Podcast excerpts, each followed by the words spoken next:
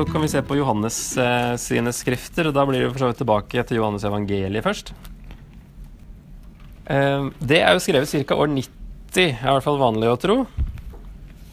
Eh, fordi blant annet har det skjedd noe med ordet jødene. Det brukes nå bare religiøst. Alle motstanderne til Jesus heter jødene, selv om alle var jo jøder.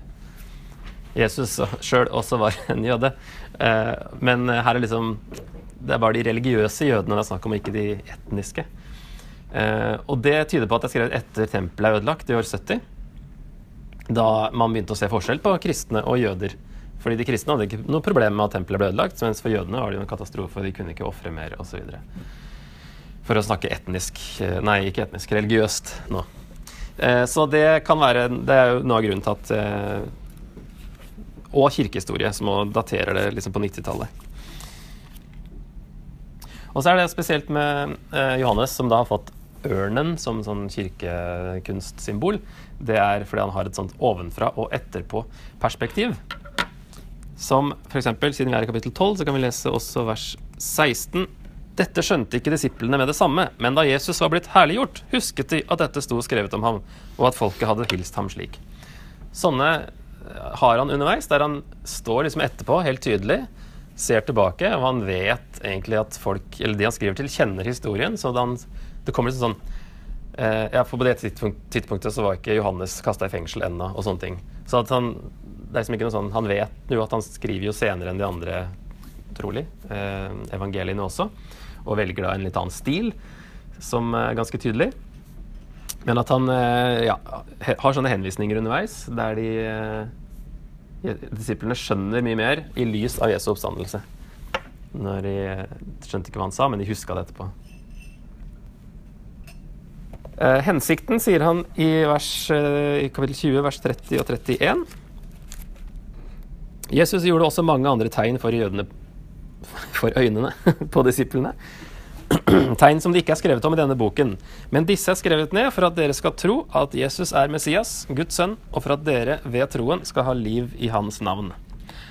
Sånn at eh, de skal oppmuntres til, å, til, at de har den riktige troen, og ikke, den, eh, ikke det som de motstanderne har. Og så er det på den tida her også, eller fra kirkehistorie, så har vi noen spor om at Johannes møtte noen sånne gnostiske uh, lærere. Og det er i Johannes sine skrifter, i hvert fall Johannes evangeliet og 1. Johannes, så er det en del ting som kan linkes opp mot gnostikere.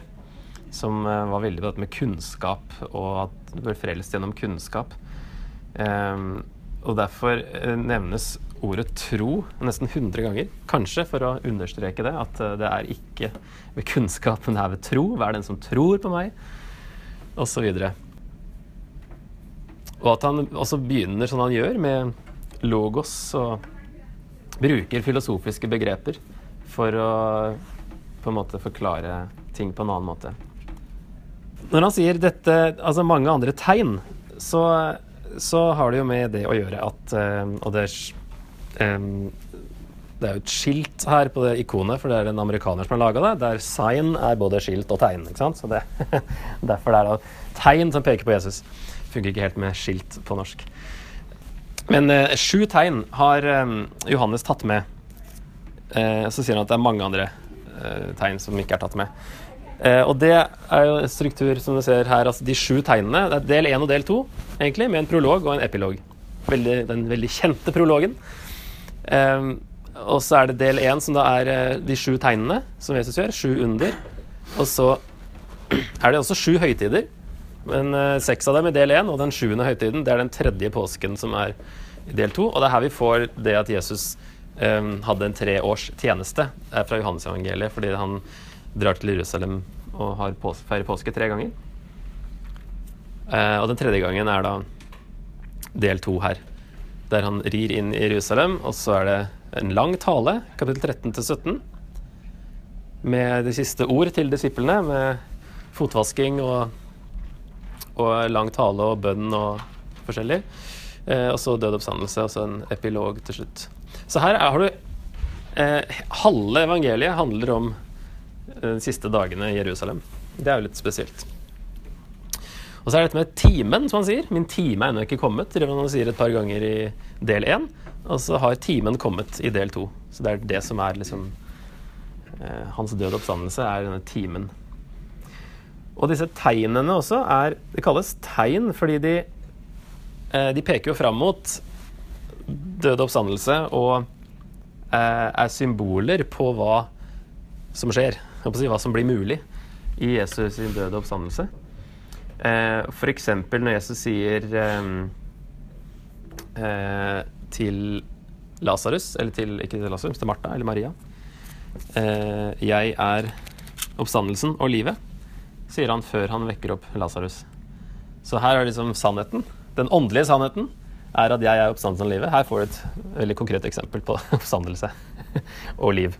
Eh, også før han eh, helbreder den blinde mannen i kapittel 9, så sier han at så lenge jeg er i verden, er jeg verdens lys.